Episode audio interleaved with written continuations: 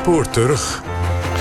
Vandaag in Spoor terug deel 1 van een tweeluik over 40 jaar IKEA in Nederland. Over de vraag hoe onze wooncultuur vanaf 1978 beïnvloed is... door de betaalbare en duurzame meubels in zo plat mogelijke doosjes voor iedereen.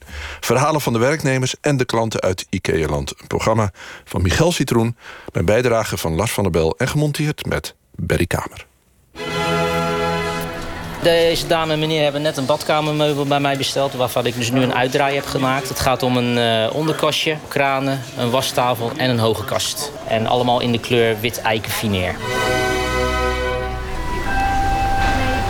Beste luisteraars, in 1978 begon op een industrieterrein van het Wadsdorp Sliedrecht... de Nederlandse geschiedenis van IKEA met één. Het heeft wel even geduurd, ik moest er wel even hier aan wennen hoor. Ja, ik vond het toch wel een heel andere uh, zaak dan wat ik gewend was. Ik weet nu alweer hoe dat gaat. Want dan denken we, oh, dat past nog wel in de auto. En dan moet de bank naar beneden en dan moet iemand met zijn hoofd uit het raam. Zo gaat het natuurlijk wel meestal als je bij Ikea vandaan komt. Wij komen hier heel veel. Het is uh, zeker wel twee keer in de week. Nou, meestal wijzen zichzelf. De meesten die zeggen van uh, het is moeilijk, maar als je een beetje logisch nadenkt en je kijkt goed, dan uh, zit het zo in elkaar hoor. Nou ja, de ene keer kopen we wel wat, de andere keer kopen we niks. Laten we zeggen dat er uh, 20% van wat we in huis hebben, dat komt bij Ikea vandaan. En dat staat hoofdzakelijk boven. Want beneden hebben we nog allemaal eiken. Dat is net een oude kroeg, weet je wel. Maar we ruimen het niet op, omdat we er zo wel gewend zijn. Maar boven, wat er boven staat, het meeste is, uh, komen hier vandaan, ja. ja. Klein, klein. Ik heb ook alle, alle rekeningen nog. Al 40 jaar fan dus. Ja, ja absoluut. Ik vind ze geweldig. En ik heb wel eens, ik weet niet meer, ik, ik had uh, last met een van de. Misschien een van de kastjes, ik weet het niet meer wat het was. Geweldige service, ze lossen het gewoon op. Is het reclamespotje? Ja, absoluut. Ja, ik, ik ben echt fan van Ikea. Ja, die uh, na de dat ze dingen in, in uh, onderontwikkelde landen laten maken... en die dus gemaakt worden door kinderen enzovoort. Ik geloof, hebben ze dat opgelost of niet? Onze eerste IKEA-meubel. Weet jij dat nog? Het begon weliswaar in Sliedrecht... met één winkel 40 jaar geleden. Een kast of zo? Oh ja, die kast die ons... Nee, dat was niet het eerste, maar... Maar er kwamen de afgelopen 40 jaar 12 winkels bij... Van Groningen dus tot Heerlen en van Delft tot Duiven. Ja, ik heb er wel van gehoord wel van Ikea. Maar ik denk, ja, ik heb niks nodig. Ik hoef ze nodig niet. Uh, maar ja, als je gaat kijken en je ziet iets leuks... ja, dan wil je het wel hebben. Ja, en zo kom je dan aan de spullen, hè? En in Nederland is dus net als elders de opmars van de Zweedse sociaal-democratische ontwerpfilosofie van Ingvar Kamprad een succes. Je geeft ook iets aan de mensen eh, om een, een, een leuke dag te hebben. Dat is heel belangrijk binnen IKEA. Je uh, wilt dat je klanten eigenlijk de perfecte klantenervaring hebben. En je, je koopt uiteindelijk misschien meer als je het ook naar je zin hebt, als je het, uh, dan dat je uh, ergens gefrustreerd rondloopt. Mooie meubels, betaalbaar voor iedereen. En met een duurzame boodschap. Met de TED stoelklipbandbank en de Billy boekenkast... viel de Nederlandse huiskamer massaal voor IKEA. IKEA bracht bewustzijn terug. Wat is wonen? Wonen is je welbevinden in je eigen omgeving. En er werd opeens veel meer aangeboden. Er werd kleur aangeboden. Er werd, uh, je, je kon een huiselijke sfeer creëren. Het enige nadeel wat ik zou kunnen verzinnen is dat je natuurlijk niet uniek bent. Dat je als je uitkijkt dat je alles bij Ikea koopt, dan heb je een inrichting die je overal kan zien. Het is natuurlijk niet heel bijzonder, zeg maar. Dat is het enige nadeel wat ik kan bedenken. Dat je moet uitkijken dat je niet je hele huis vol zet met Ikea. Toen de tamtam rondging en de mond-op-mond reclame met name... ja, toen kwamen de mensen van heinde en verre. En het was toen ook niet vreemd dat we binnen twee jaar op, op 10.000 tot 12.000 mensen op een zaterdag zaten. Dan zat het, het filiaal was bom en bomvol. Met overal lange rijen voor de kassa's. De opmerkelijke geschiedenis van de verovering van Nederland door de Zweedse meubelgigant is te horen bij OVT van de VPRO. Het Zweedse meubelwarenhuis IKEA richt zich met zijn moderne, knalgele of zwarte bankjes vooral op jonge mensen. Servies en lampen, behang, deurknoppen en vloerbedekking... het wordt in massale hoeveelheden verkocht. De klant moet er wel zelf alles keuren en kiezen. Om een keuken te bouwen moet hij zelf kunnen meten en rekenen. En natuurlijk ook sjouwen en timmeren. Langs de A15 en aan de rivier de Benedenmerwede... niet ver van Dordrecht en de Biesbos, ligt Sliedrecht. Kijk, toen stonden de mensen op de barricade om Ikea buiten Sliedrecht te houden. En toen Ikea vertrok stonden ze bij wijze van spreken op de barricade... om Ikea binnen Sliedrecht te houden. Want toen zag men inderdaad natuurlijk ook de voordelen. Een gemeente die tot 1978 zijn identiteit ontleende aan de grote baggerbedrijven... zoals Boskalis die er gevestigd zijn. We waren eigenlijk een beetje de enige winkel. En Maatcaravans die zat tegenover ons. Maar bij velen is Sliedrecht vanaf 1978 voornamelijk bekend van de niet te missen afslag Sliedrecht-West, Wijngaarden. Ik, ik, zag er eigenlijk helemaal niks in. Ik dacht, ja, rare winkel. Heel veel uh, blank hout. Marga en man werkten alle twee bij Ikea in Sliedrecht. Hij zat in die opbouwfase ook van die winkel. En uh, ja, de Zweden die, die hier uh, de winkel op kwamen bouwen... die uh, kwamen ook gezellig op visite. We gingen windsurfen met ze in het weekend. En ja, het was altijd wel dolle pret. Dus het waren wel leuke mensen. Het was uiteindelijk ook best wel ja, een goede winkel. Bleek na de hand. Alleen ja, in het begin had iedereen zoiets van... ja, wat is dat? De klant moet zelf zijn spullen uit de magazijnstellingen halen... en mee naar huis nemen. Om de kosten van vervoer en opslag te drukken... is alles zo klein mogelijk verpakt. Meestal moeten de meubels thuis nog in elkaar worden gezet. De klant moet dus wel met een hamer en schroevendraaier overweg kunnen. En er ook tijd voor maken. En zin in hebben. NRC, 19 april 1985. Onwillekeurig trekt het de aandacht van de passanten op de A9... en de metro- en treinreizigers in Amsterdam-Zuidoost. Het verzadigde blauw-geel van de nieuwste IKEA-vestiging. 18.500 vierkante meter simpele, maar in stijl uitgevoerde bedrijfsruimte. Ook in een nader opzicht moet het ontwerp geslaagd worden genoemd. Het high-tech uiterlijk strookt heel goed met het imago dat IKEA nastreeft. Modern en dynamisch van verzorgde kwaliteit. Het gebouw is niet zomaar een anonieme fabriekshal met een buitenlands uithangbord en opvallende kleuren. Verpakking en inhoud horen hier nadrukkelijk bij elkaar. Kenmerkend voor het bedrijf is dat de meeste producten door de klant zelf thuis in elkaar moeten worden gezet. Dat spaart het bedrijf kosten en opslagruimte. Aan de meeste producten is dan ook de constructieve eenvoud af te lezen. IKEA-producten zijn het volstrekte tegendeel van alles wat als stoer massief eiken aan de man wordt gebracht. De zelfbewuste bedieningsklant wordt ook vlot met jij en jou aangesproken. Ja, in wezen denk ik dat het op zich nog niet eens zo belangrijk is waar je zit als IKEA zijnde. Als er maar voldoende uh, mensen in de omgeving wonen, dan is succes gegarandeerd, mits dat je formule goed is. Jan Blaak groeide op in de buurt van de Drechtsteden en volgde een opleiding in de logistiek. En de formule was goed, want dat hebben we natuurlijk ook in alle landen om ons heen al gezien, voor die tijd. Duitsland had op dat moment al 17 filialen. In 1978 werd hij eerst logistiek manager bij de eerste IKEA... en een half jaar later werd hij directeur. Ik, ik weet dat Ingvar Kamprad, uh, de eigenaar, de, uh, toen al uh, zijn oog had laten vallen op de locatie in Delft. Toen al. Dat was voor hem de gouden plek.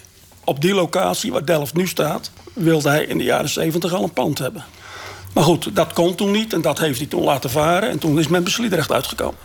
Ik was er toen niet zo mee bezig. Je hebt dan zelf een jong gezin en IKEA gaat dan komen... en dat lees je dan wel eens tussen de regels door. Maar het is inderdaad heel slier. Het is daar heel erg op tegen geweest. Allerlei protesten. Maar ze hebben toch de zin gekregen. Hoewel als IKEA ergens begint, is het altijd wel een probleem. Of het nou Delft is, of Amersfoort, of Utrecht, is altijd wel wat. Bram Gort groeide op in het centrum van Sliedrecht... en nam in de jaren 60 de meubelzaak over van zijn vader. Maar op een andere manier. Als je het van je vader overneemt, dan is het altijd anders. Dus dit was uh, modern. Daarnaast had ik kennis aan een dame uit Zweden. En die heb uh, mede Zweden dingen, Zweedse dingen meegebracht. En toen ineens kwam Ikea. Dus toen hebben we heel veel protesten ingediend. En het hele middenstand van Sliedrecht opgetrommeld. Met optochten door de gemeente om haar tegen te houden. We hebben heel de gemeenteraad hebben we bewerkt. En uh, dat is gelukt.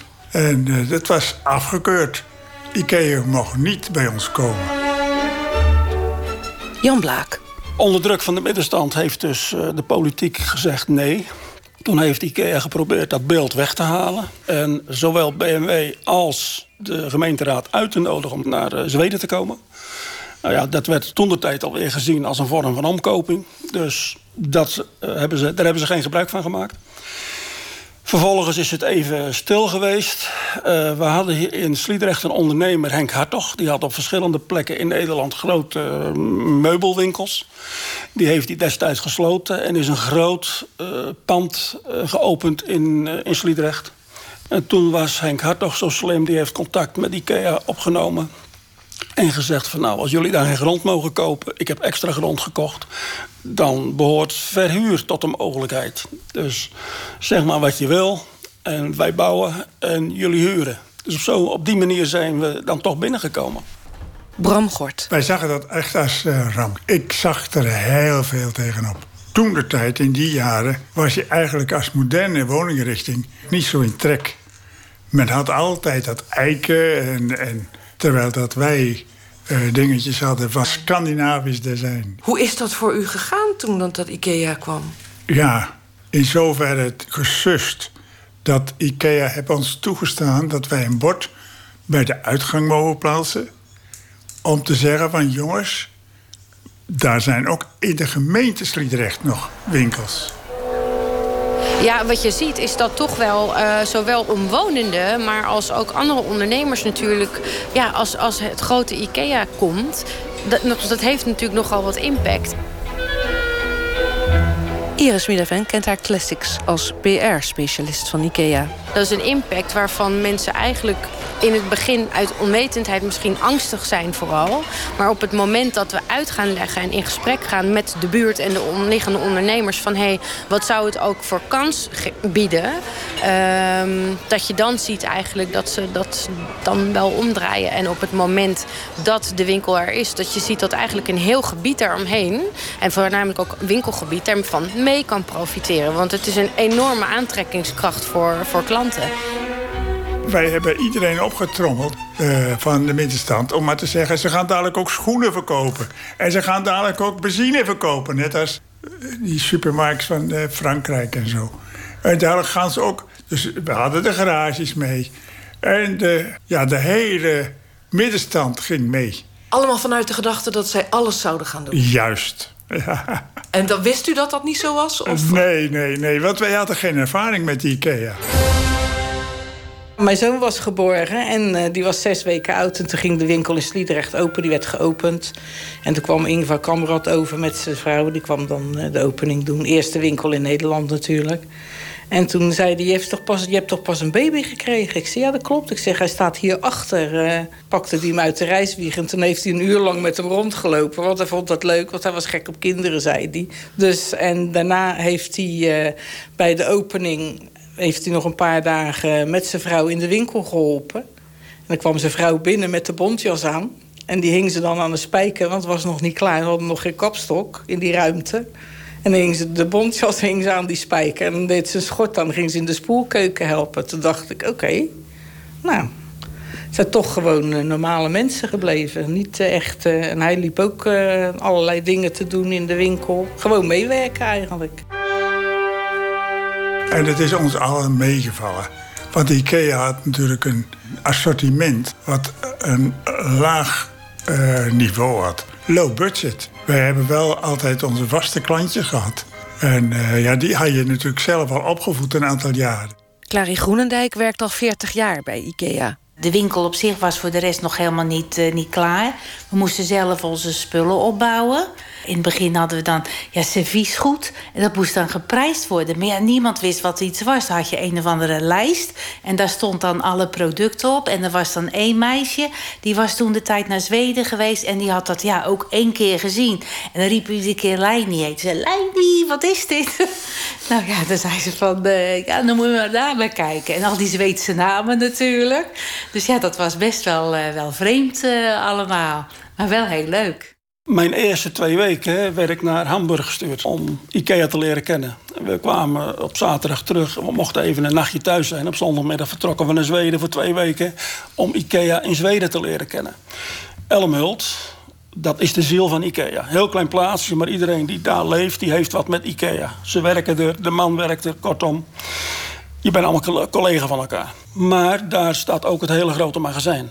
Dat was al een magazijn volledig geautomatiseerd. Met robots, uh, robots die de paletten uit stellingen haalden. Uh, dat, dat was voor mij als logistiek man uh, natuurlijk fantastisch mooi om te zien.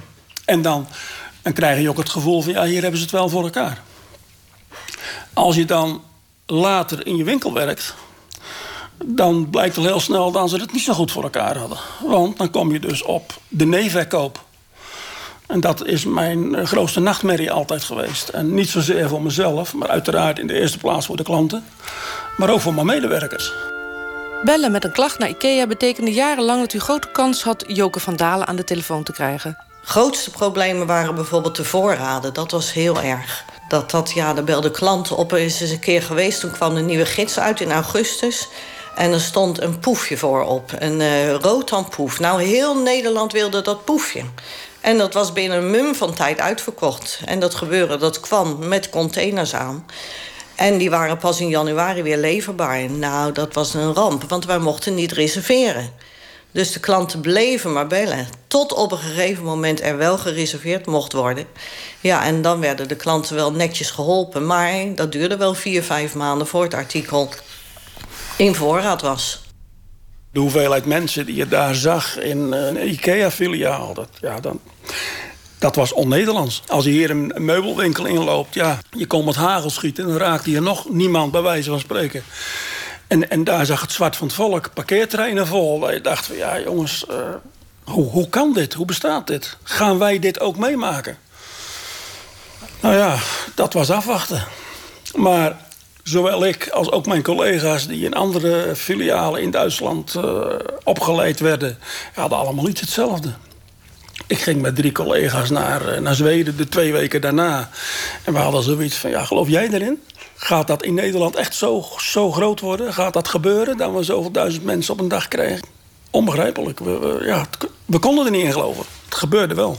We moesten dan zelf stoelen opbouwen en zo. Kijk, en uh, er waren wel Zweden die dus ons hielpen met van alles en nog wat. Net als het celbedieningsmagazijn uh, opbouwen. Nou, dan had je iets opgezet van rekkingmateriaal. En dan gingen ze met een waterpas en met een centimeter gingen ze meten. En dan, uh, dan klopte het weer niet. Dus dan moest het weer helemaal afgebroken worden. Die waren echt, uh, ja, echt op de puntjes, hè, waren die. wij, toen we open gingen, toen hadden we het nadeel van een heel slecht weer. Alles was gemobiliseerd. Er stonden met daar een partij politieauto's en politie op motoren klaar... om het verkeer vanaf de snelweg eh, van de A15 naar het filiaal eh, te begeleiden. Nou, die hebben daar eh, drie dagen bij de opening werkloos toestaan kijken. Het kwam pas echt op gang in, in het voorjaar. We hadden veel sneeuw, veel ijzel, veel mist. Ja, dat, dat zat gewoon tegen. Het Vrije Volk, 13 oktober 1982. De Nederlandse meubelhandel en industrie gaat door een diep. Bedrijfssluitingen en overname wisselen elkaar af. De branche heeft het dubbel moeilijk. Niet alleen is ze zeer gevoelig voor de vermindering van koopkracht, maar ook de malaise in de bouw werkt door. Er wordt veel minder verhuisd dan een paar jaar geleden. In deze krakende en kreunende bedrijfstak is er één bedrijf dat dwars tegen de stroom in bezig is met een ongekende expansie. Toen, 40 eh, jaar geleden, waren wij ook al gezeteld. Dus we zijn al over de 80. Dus dan heb je al een heel leven voor je. En toen uh, IKEA begon, hè, Chris? Toen hadden wij van een kastje en zo, maar niet echt. En dat we het dan zelf in elkaar zetten. ja, ja. Ging u dan naar Sliedrecht? Ja. ja. Daar ging ik met mijn kleinkinderen naartoe. Mijn, klein, mijn kleindochter is 33. Daar ging ik gewoon naartoe naar de ballenbak. Ja, ze hebben allemaal van die kleine handige dingetjes... waarvan je denkt, waarom is daar iemand nooit eerder op gekomen? Dat is het. Dat je denkt, krijg nou wat, dat is er ook. En dat is dan nooit bij je opgekomen dat dat er zou kunnen zijn. Allemaal van die innovatieve kleine dingetjes. Kijk, op een gegeven moment zagen we dat witte artikelen dus in, uh, in, in Nederland gewoon heel goed verkochten. Meer verhoudingsgewijs veel meer dan in andere landen. Ja, dan ga je eigen, met je eigen bladzijde je catalogus daarop richten. De catalogus was voor uh, 98, 95 tot 98 procent universeel voor heel Europa. Maar je moet natuurlijk uitkijken dat een topartikel niet in alle landen op een heel groot op een speciale bladzijde staat. Want dan creëer je een probleem. Want dan komt er een groot tekort. De Billy kan zo een voorbeeld zijn. Uh, een Ted Klapstoel destijds. De Boys-serie, een Bowersbed. Allemaal uit, uit, uit destijds, dus die begin 80 jaar. Als een nieuwe gids uitkwam, dan uh, stonden er allerlei artikelen in waar vragen over kwamen. En dan hadden wij een heel groot bord hangen. En als we iets van een artikel wisten, schreven we erop van... joh, dat zijn de maten, dat is de hoogte van de pootjes... Uh, op die bladzijde staat een lamp zonder naam erbij. Het is die en die lamp. En zo ging dat. Op een gegeven moment, uh, toen ik dan op de showroom stond... dan was het net alsof je op zaterdag bij de bakker uh, stond. Dan kwamen de mensen voor een billyboekenkast, voor een clipaanbank. Nou, die clipaanbank die moest je zelf natuurlijk bekleden. Ja, en net als nu vertel je dat er allemaal bij. Maar net als toen had je daar gewoon geen tijd uh, voor. Volkskrant, 14 januari 1982. Het ministerie van Sociale Zaken had elf bedrijven en twee werkgeversorganisaties gevraagd om op vrijdag 8 januari te komen praten over de ervaringen met deeltijdarbeid. De werkgeversclubs en negen bedrijven wimpelden het gesprek hooghartig af. Twee bedrijven gingen wel. Ook IKEA is door de werkgeversorganisaties onder druk gezet om niet te gaan, vertelt directeur Jan Blaak van IKEA Sliedrecht. Maar IKEA is niet aangesloten, dus is hij gewoon gegaan voor een gesprek met de architect van het banenplan van Den L. Toen IKEA de eerste advertentie plaatste voor de opening, waren er al meer dan duizend sollicitaties. We hadden het unieke systeem van deeltijd. Dat is uit uh, Scandinavië en Duitsland overkomen waaien. Van de 188 werknemers in Sliedrecht is slechts een derde in volledige dienst. Volgens Jan Blaak werkt het perfect. Minder stress door dit werkrooster met steeds een perspectief op de week vrij. Ook het ziekteverzuim is lager dan het landelijk gemiddelde. Week op en week af. We begonnen donderdagsmiddags uh, om twee uur. Dan hadden we een soort uh, ja, zeg maar werkoverleg. En dan de andere week uh, donderdag om drie uur, dan gingen we weer naar huis. En dan kwam de nieuwe ploeg kwam weer op.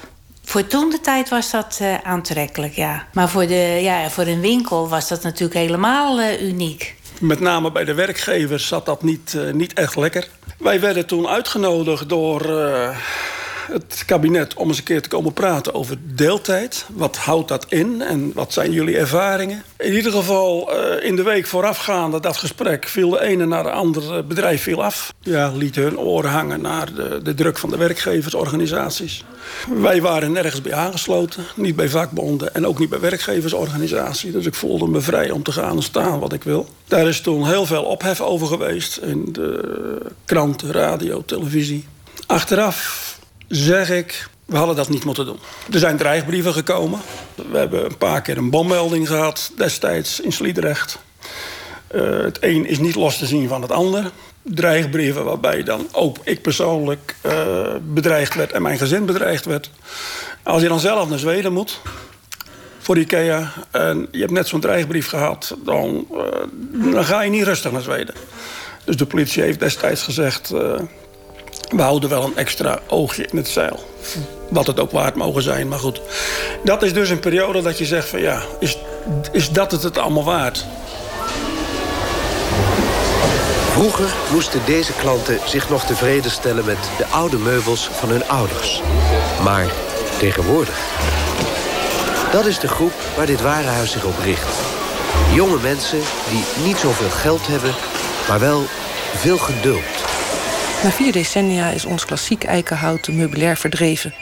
Zegt IKEA en zeggen ook IKEA-watchers. Tijdens een uh, viering van zijn 35 jaar bestaan claimde IKEA al de Nederlandse huiskamer helemaal op de schop genomen te hebben. Maar dat is niet waar, zegt cultureel antropoloog Irene Sieraad van de TU Delft.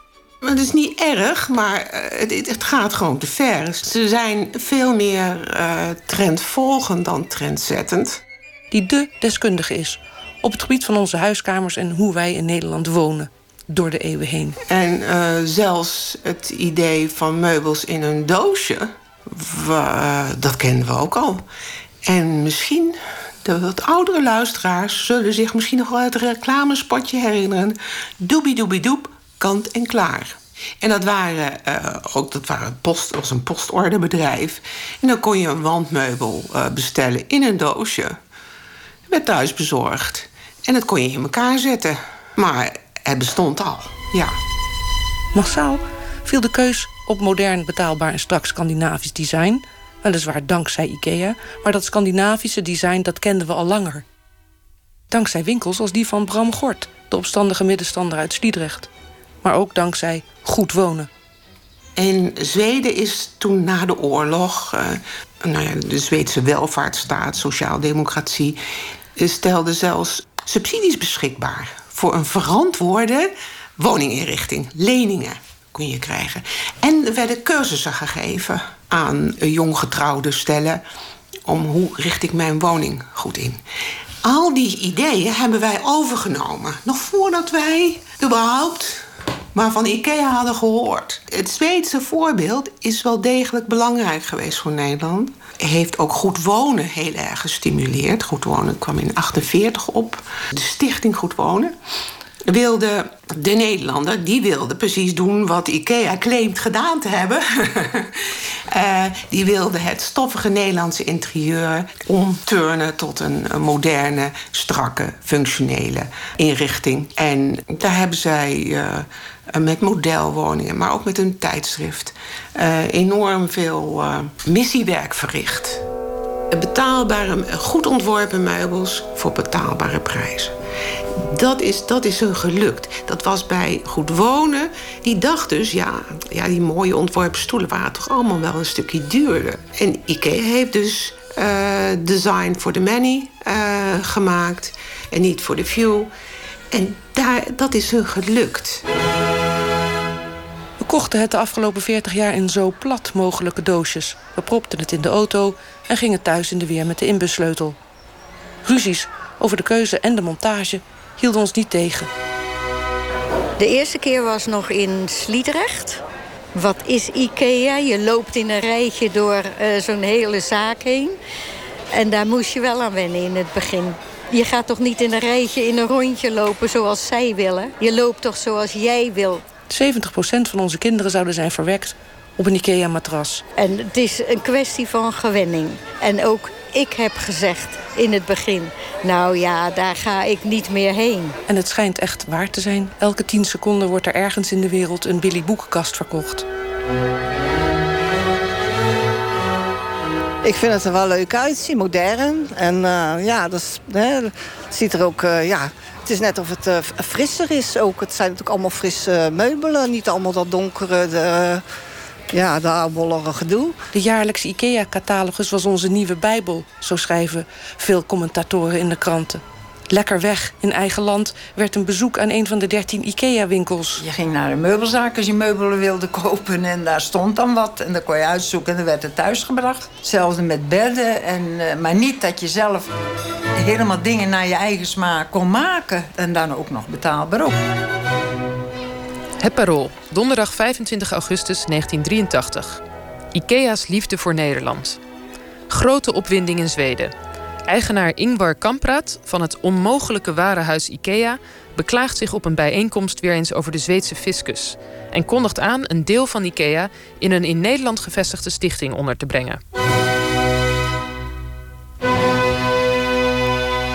Het was op zich een hele rustige, aardige man. Had ook uh, met iedereen een praatje en met iedereen uh, dingen vragen. En uh, hij luisterde ook als je wat vertelde. Het was, ja, het was wel een aardige man. Dat zei je ook eigenlijk. Ja, eigenlijk hele gewone doorsnee mensen. Hij was eigenlijk altijd een beetje gierig, hoorde ik. Ook voor zichzelf. Want ik heb gehoord dat hij wel 40 jaar in dezelfde stoel heeft gezeten in zijn huis in Zweden. Het staat er nog, geloof ik, die stoel. De Zweedse pers raakt er niet over uitgepraat. Er is geen sprake van dat het hoofdkwartier, met alles wat daaraan vastzit, naar Nederland komt. Maar Kamprad legt aan het parool uit dat hij tien jaar eerder al belangen van IKEA heeft ondergebracht in een Nederlandse houtstermaatschappij. Naar Nederland vluchten voor de Zweedse belasting, is dat niet hetzelfde als van de regen in de drup? Nee, want Nederland is, hoe gek het ook mag klinken, een belastingparadijs.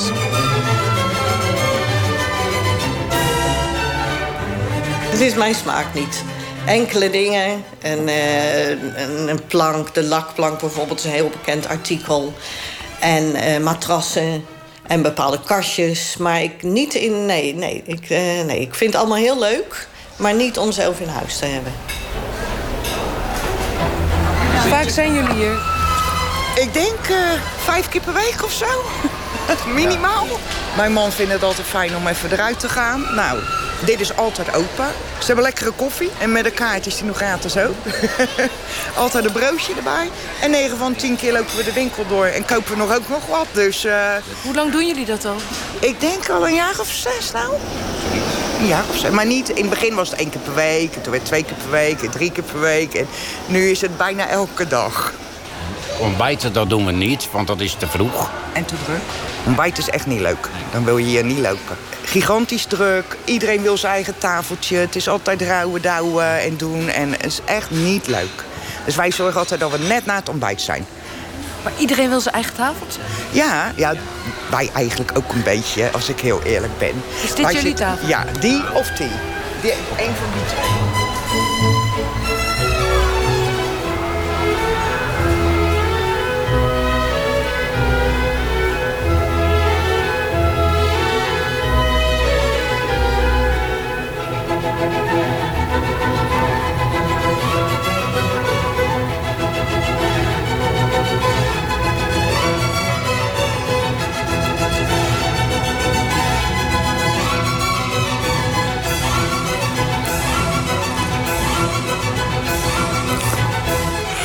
Ja, dat was het eerste deel van een tweeluik over 40 jaar IKEA in Nederland... door Michal Citroen met bijdrage van Lars van der Bel... en gemonteerd met Berry Kamer.